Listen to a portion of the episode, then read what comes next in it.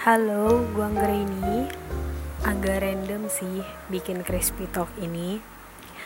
Gue pilih membuat podcast karena kayaknya asik aja sih nantinya bincang-bincang dan tanya-tanya sama orang lain tentang hal-hal yang belum gue tahu atau mungkin yang teman-teman juga belum tahu.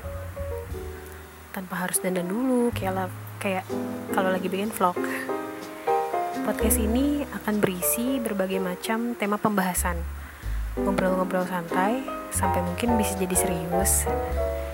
Semoga ada hal kecil yang bisa diambil pelajaran dan manfaatnya. Gak cuma jadi sampah. Terima kasih dan selamat mendengarkan.